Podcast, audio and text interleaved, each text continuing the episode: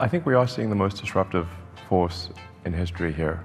There will come a point where no job is needed. You can have a job if you want to have a job for sort of personal satisfaction, but the AI will be able to do everything. Elon Musk voorspelt een wereld waarin kunstmatige intelligentie alles van ons over kan nemen. Welke studie gaan we dan nog kiezen? Als deze vraag op zich niet al moeilijk genoeg was. Wij zijn Dean en Luc en gaan in deze podcast op zoek naar onze toekomst. In gesprek met experts verkennen we wat we allemaal moeten kennen en kunnen in de wereld van nu.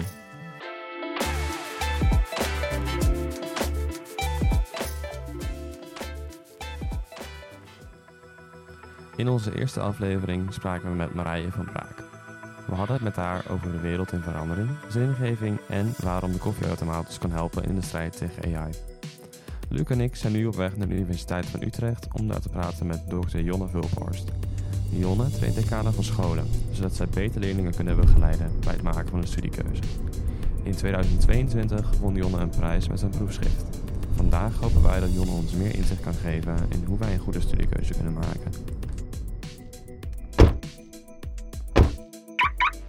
Welkom Jonne. Uh, kunt u zelf, kun je jezelf heel even snel voorstellen? Zeker, ja, je mag wel je zeggen hoor. Uh, mijn naam is Jonne Vulphorst. Uh, ik ben 32 ehm, en ik werk als onderwijskundig adviseur aan de Universiteit Utrecht. En ik kom ook zelf uit Utrecht.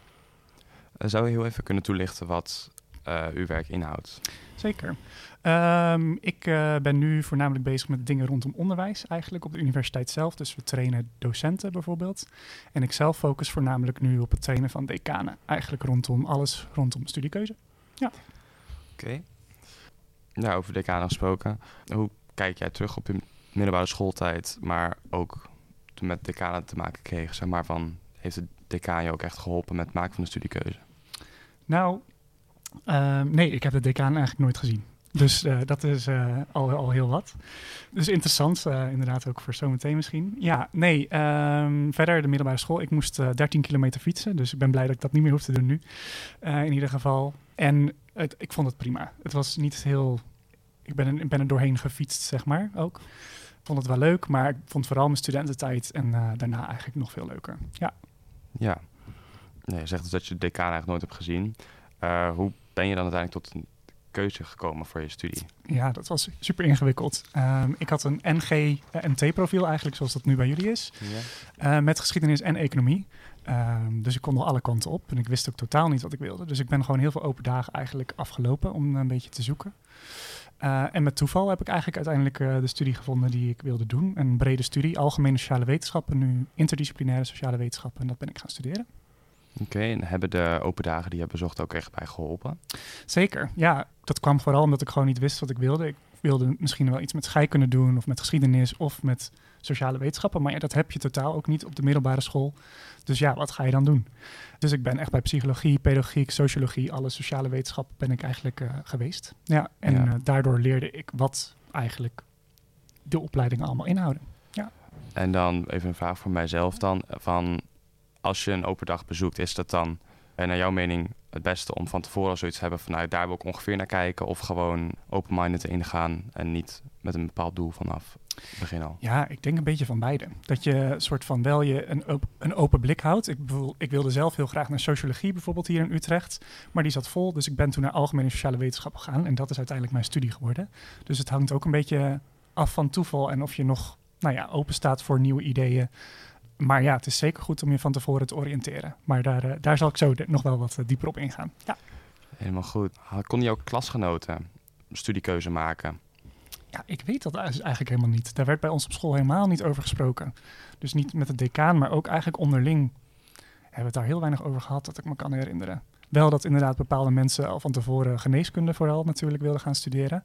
Dat wist ik wel. Maar voor de rest, uh, nee ook niet veel mensen die ik hoorde dat, dat ze ergens mee bezig waren of over, op overdagen werd gesproken of zo. Nee. Ja. En in je vriendenkring? Ja, nee, dus ook niet. Daar spraken we niet over. Nee, het, was, het was niet zo'n ding. Ja. Nee, oké. Okay. Um, denk jij dat de kennis die je verkreeg op de middelbare school aansloot bij de studie die je uiteindelijk bent gaan doen? Nou ja, wat ik, wat ik zei, ik heb een, een heel breed profiel gehad met heel veel uh, beta-vakken eigenlijk ook, waar ik daarna nooit meer iets mee heb gedaan. Dus in die zin niet. Ehm, ik ben wel Nederlands veel meer gaan waarderen na de middelbare school en wat me dat heeft bijgebracht en hoe schrijven en uh, spelling en dat soort dingen. Dus in die zin wel. Um, maar ja, omdat het eigenlijk een heel nieuw vakgebied was voor mij en daar op middelbare school helemaal geen aandacht aan werd besteed, uh, was het voornamelijk veel nieuw. Ja. ja. Ja, het was dus veel nieuw voor jou ook, maar heeft de studie uiteindelijk wel jouw verwachtingen van de studie ook waargemaakt? Nou ja, in die zin dat het een, brede bachelor was, zeker. Ja, uh, ik heb wat van sociologie gehad, van antropologie, van uh, psychologie. Dus in die zin wel. Um, maar ik miste eigenlijk het onderwijsdeeltje. Uh, ik heb twee ouders die allebei leerkracht zijn.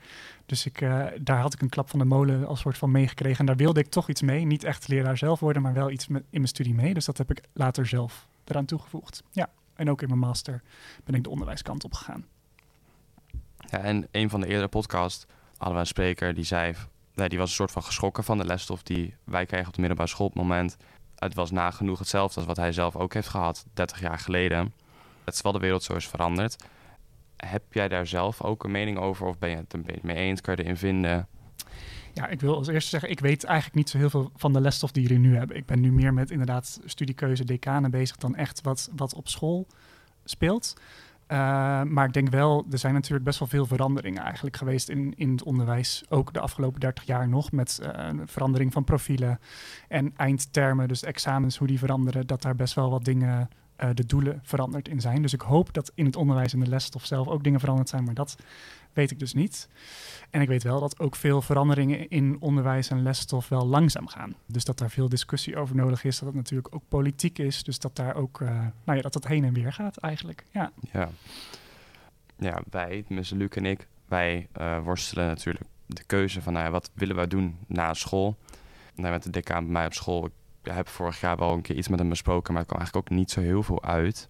Maar kom jij deze vraag bijvoorbeeld uh, ook tegen in jouw kennisgebied met decanen en... Ja, zeker. Nee, ja. Voor, kijk, voor jongeren, zeg maar voor jullie, is het, is, het, is het eigenlijk de eerste grote keuze die je maakt. Kijk, de profielkeuze natuurlijk ook. Maar nu moet je vanuit, nou zeg, 2000 opleidingen zijn er ongeveer, moet je daar een keuze uit gaan maken. En die keuze is natuurlijk enorm. Ja, dus ik denk dat eigenlijk, nou, uh, meer dan de helft in ieder geval twijfelt of vindt het een moeilijke keuze om te maken. En ook daarna blijven veel jongeren nog twijfelen. Ja. ja. Een proefschrift gedaan over hoe jongeren keuzes maken. En die heb je ook de VOR-dissertatieprijs in 2022 mee gewonnen. Uh, zou jij ons dan kunnen vertellen hoe we het algemeen keuzes maken en hoe we hier dan beter in zouden kunnen worden? Eventueel hoe een decaan ook hierin zou kunnen helpen of een rol in zou kunnen spelen? Ja, zeker. Nou, nu ga je het over mijn vakgebied hebben, dus ik ga natuurlijk helemaal aan. Dus uh, rem me vooral af als het nodig is. Um, maar ja, hoe we keuzes maken. Um, ik denk dat veel gaat eigenlijk al onbewust. Dus de gewone keuzes, wat je gaat drinken, hoe je je vrije tijd besteedt, um, wat je gaat doen met vrienden.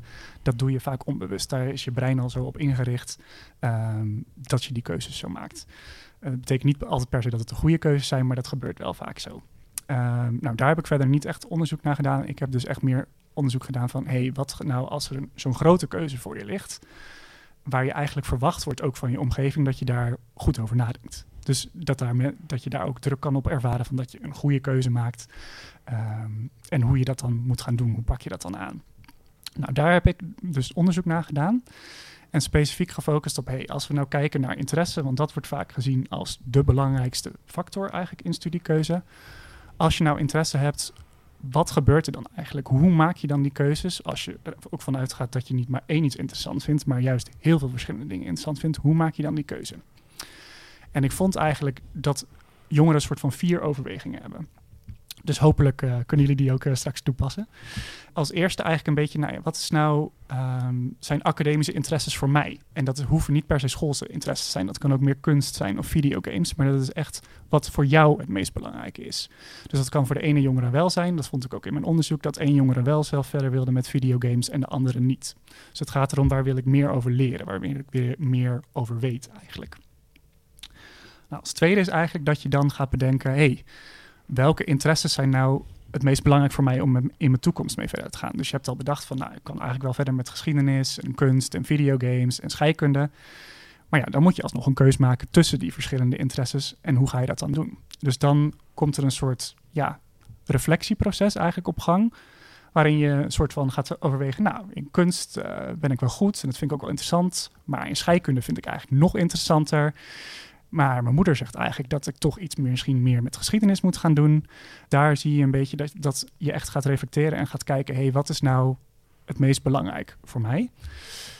En als je dat een beetje hebt gedaan, dan kan je gaan kijken, nou, hoe past dit dan eigenlijk binnen de programma's die aanwezig zijn? Want het is wel leuk dat jij misschien met geschiedenis, videogames en kunst tegelijkertijd verder wil. Maar dat kan natuurlijk niet altijd. Ja. Want je moet ook rekening met houden met welke programma's er worden aangeboden. Ook al heb je keuze uit 2000 programma's. En dat is vaak niet de manier waarop je ermee verder wil. Dus je kan misschien geïnteresseerd zijn in biologie, maar vaak ben je specifieker geïnteresseerd in ziektes. En past de studie biologie niet zo goed bij jou. En daarom is het dus belangrijk om veel naar die open dagen ook te gaan. Want als je denkt, ja, ik vind wiskunde op school wel leuk, maar wat vind je dan interessant aan die wiskunde op school? Is het meer de logica-kant of de kansberekening, of vind je het juist leuker om het toe te passen in bijvoorbeeld ICT-opleidingen? Dus op die manier kan je dan kijken, nou, ik vind dit leuk, dan ga ik kijken bij de opleiding en dan kom je daar vaak ook weer uit, soort van, ja, ook die opleiding um, kan nieuwe interesses eigenlijk opwekken.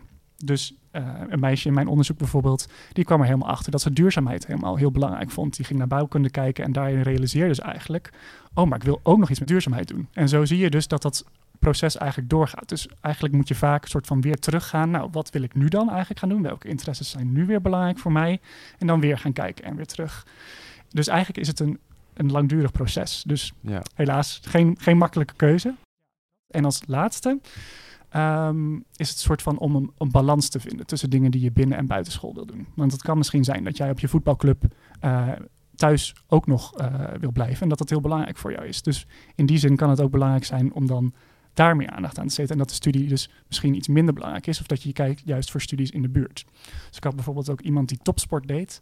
En die heeft daardoor ook gekozen voor een opleiding die daar beter bij past. Dat ze wat op een lager pitje kan zetten of dat er bepaalde regelingen voor zijn. Ja. Dus nou, die vier dingen uh, ja, zijn eigenlijk belangrijk als je, als je je studie gaat kiezen. En wat jullie dan zouden kunnen doen, ja, ik denk dat het heel belangrijk is om gesprekken eigenlijk aan te gaan om te kijken wat vind ik nou leuk om te doen binnen en buiten school. Dat je nagaat, hey, wat kan ik, waar wil ik meer over leren, waar ga ik, van, waar ga ik op aan? En ehm, dat je ook kijkt hoe je die dingen kan combineren. Dus welke combinaties zijn mogelijk? Geschiedenis, videogames, kunst misschien niet. Maar ja, biologie en scheikunde in biochemie is natuurlijk wel mogelijk. En zo zijn er verschillende opties die kunnen. En dat dan vervolgens ook gaat kijken uh, in programma's. Dus op open dagen, meeloopdagen. En dat dan met mensen gaat bespreken. hey, hoe past dat dan bij mij? Hoe past dat bij mijn interesses? Zijn er nog nieuwe dingen waar ik naar ga kijken? Ik denk ook niet dat jullie dat zelf moeten doen. Dat daar zeker ook een rol is voor ouders die mee kunnen gaan natuurlijk. En kunnen helpen brainstormen. Die echt uitvragen, interview eigenlijk houden zelfs. En decanen, dat er op school ook veel meer aandacht kan zijn van hoe je die gesprekken voert. Hoe je er nou op eigenlijk achterkomt wie jij bent en wat jij leuk vindt om te doen in de toekomst. We hebben op onze school een enquête uitgezet met daarin diverse vragen. In deze enquête gaf 78% van de vierde en vijfde klasses van het VWO aan nog niet te weten welke opleiding of studie ze willen volgen. Aan de 22% die het al wel weet, vroegen we of een gekozen schoolprofiel past bij de keuze die ze voor ogen hebben. Maar liefst de helft van de leerlingen liet weten dat het niet het geval is. Een van de leerlingen die er vermoedelijk uit is en ook een passend profiel lijkt te hebben, is mijn klasgenoot Sien. Weet je al wat voor studie je wil gaan doen? Nog niet helemaal, maar ik wil waarschijnlijk technische natuurkunde doen. En wat, wat ga je eraan doen om die keuze te maken? Een meeloopdag, kijken of ik het leuk vind en anders dan eh, ga ik met wat anders meelopen. Uit mijn liefst 2000 mogelijke studies lijkt Sien er één te hebben gevonden die hem aanspreekt en misschien wel zou gaan passen. Hopelijk gaat Sien van de lesstof aan en zit hij op het juiste spoor. We proberen voor onszelf nog even scherp te krijgen of we de vier overwegingen die ons zouden kunnen helpen helder hebben. Ook vragen we Jonne of we de opkomst van artificial intelligence moeten meenemen in onze overwegingen. Dus uh, heel veel in het kort, kan uh, gewoon zeggen als ik het niet helemaal goed heb. Komt het erop neer van het studiekeuze belangrijk maken van uh, waar ben jij goed in? Waar wil je meer van weten? waar liggen jouw interesses? En bijvoorbeeld bij een vak als wiskunde van welk onderdeel van die interesse is dan dus heel belangrijk? Ja, en, en dus het combineren, denk ik, ook van, van interesses. Dat je daar Ja. echt naar zoekt, eh, ook van binnen en buiten. En het goed, goed zijn ergens in, dat vraag ik me echt af. Omdat je dat natuurlijk kan trainen. Als je Ja. echt iets interessant vindt. ehm, ik heb een vriendin die wiskundedocent is geworden. Terwijl ze daar helemaal niet zo heel goed in was. Maar als je dat nou heel leuk vindt, ja, Ja. wat houd je dan tegen? Ja, want wij hadden eerder ook de onderwijsbeurs, hebben we ook korte in, eh, podcast-interviewtjes afgenomen. En daar hebben we ook iemand van eh, studiekeuzebegeleiding eh, geïnterviewd. Die zei eigenlijk ongeveer exact hetzelfde. Nou, gelukkig. Ja. En wat, wij, wat, haar, wat wij haar ook toen hebben gevraagd van...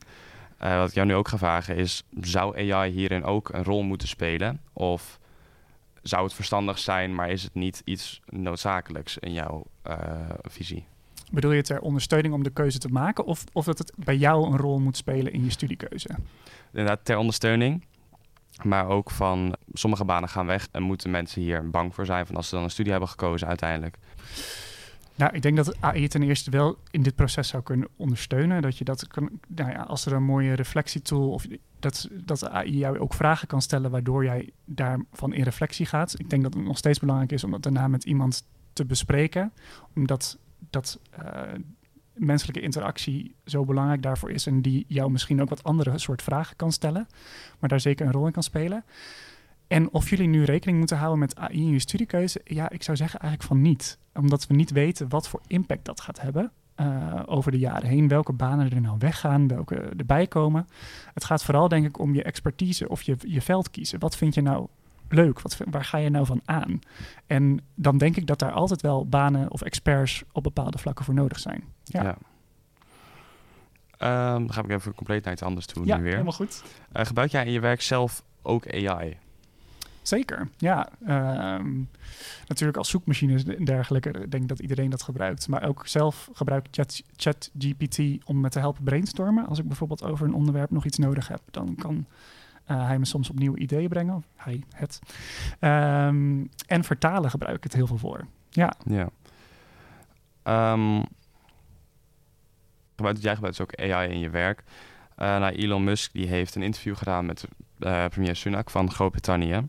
Daarin stelt hij eigenlijk dat banen in de toekomst niet meer nodig zijn en dat het kan nou, voor je eigen plezier, zeg maar. Wat betekent dit volgens jou voor eh, dus het maken van studiekeuzes, maar ook voor de rol die decanen hierin bijvoorbeeld zouden kunnen spelen?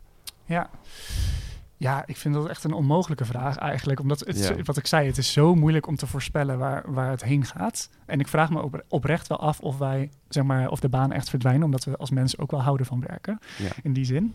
En eh, ja, als we bijvoorbeeld zien dat de zelfrijdende auto nog steeds niet op de weg is... terwijl dat al jaren geleden werd, werd aangekondigd... vraag ik me op, oprecht af wat er gaat veranderen. Ik denk niet dat ehm, banen, dus banen zullen anders worden. Ja. Ehm, er is misschien ook meer nodig in dat je door blijft ontwikkelen. En dat je leven lang blijft leren. Wat een van de grote thema's ook nu is. Hoe eh, zorgen we dat mensen dat blijven doen? En dan denk ik juist dat het belangrijk is om te kijken... hé, hey, waar ga ik op aan? Wat vind ik interessant? ja. Daar wil je dan ook in verder leren. Ook als je baan misschien dan wegvalt, dan kan je daar alsnog verder mee. Ja. En wat zouden we dan volgens jou voor in de toekomst eh, moeten kunnen en kennen om gewoon in de toekomst gewoon een goed normaal leven te kunnen blijven leiden? Nou, wat ik denk eh, sowieso is om, om jezelf dus te leren kennen in die zin. Te bedenken wat jij leuk vindt om te doen, waar je, waar je op aangaat. En je daar zelf ook niet te veel op vastplakken, want dat verandert ook nog heel veel. Als ik kijk naar de paden die wij eh, als, als volwassenen misschien al hebben afgelegd, dan is ook 60% die heeft een andere baan eh, Ja. dan een eigen vakgebied waarin ze zijn opgeleid. Ehm, dus het, het is eigenlijk continu jezelf afvragen, hey, wat vind ik leuk om te doen? Waar wil ik heen?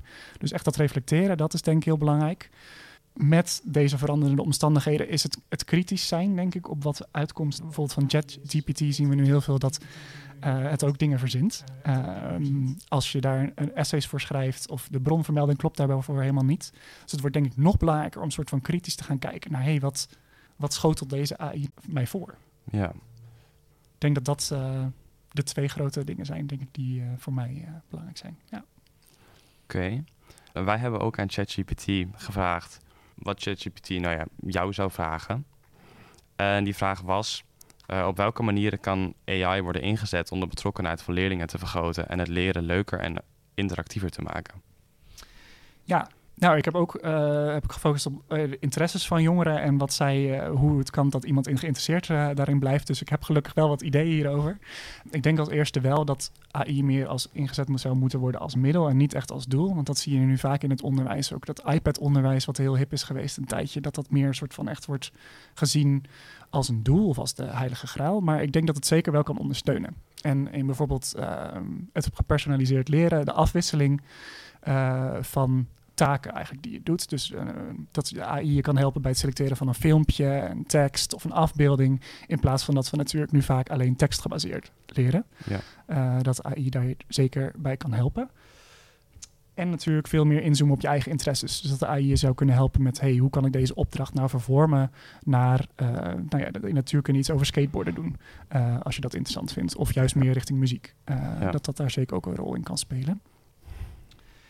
Ja, en waar ik het zelf dus nu ook voor gebruik, is denk ik het, brainstormen. Uh, het opdoen van ideeën, dat de AI daar ook voor uh, gebruikt zou kunnen worden om het leren effectiever te maken. In die zin dat je meer, meer ideeën gaat opdoen. Ja. Wat wij heel erg merken, en in ieder geval ik heel erg merk op school, is dat docenten juist heel erg tegen AI zijn, omdat het makkelijk misbruikt kan worden.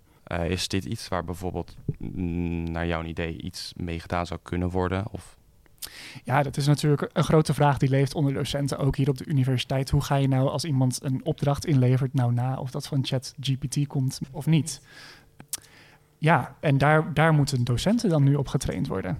Want het is een tool die waarschijnlijk blijft. Nou ja, we maken ons ook niet in die zin niet zo druk, want hier in ieder geval op de universiteit weet ik dat we dat eigenlijk wel goed kunnen zien met bepaalde regels en hulp uh, die we daarvoor kunnen inschakelen. Ja.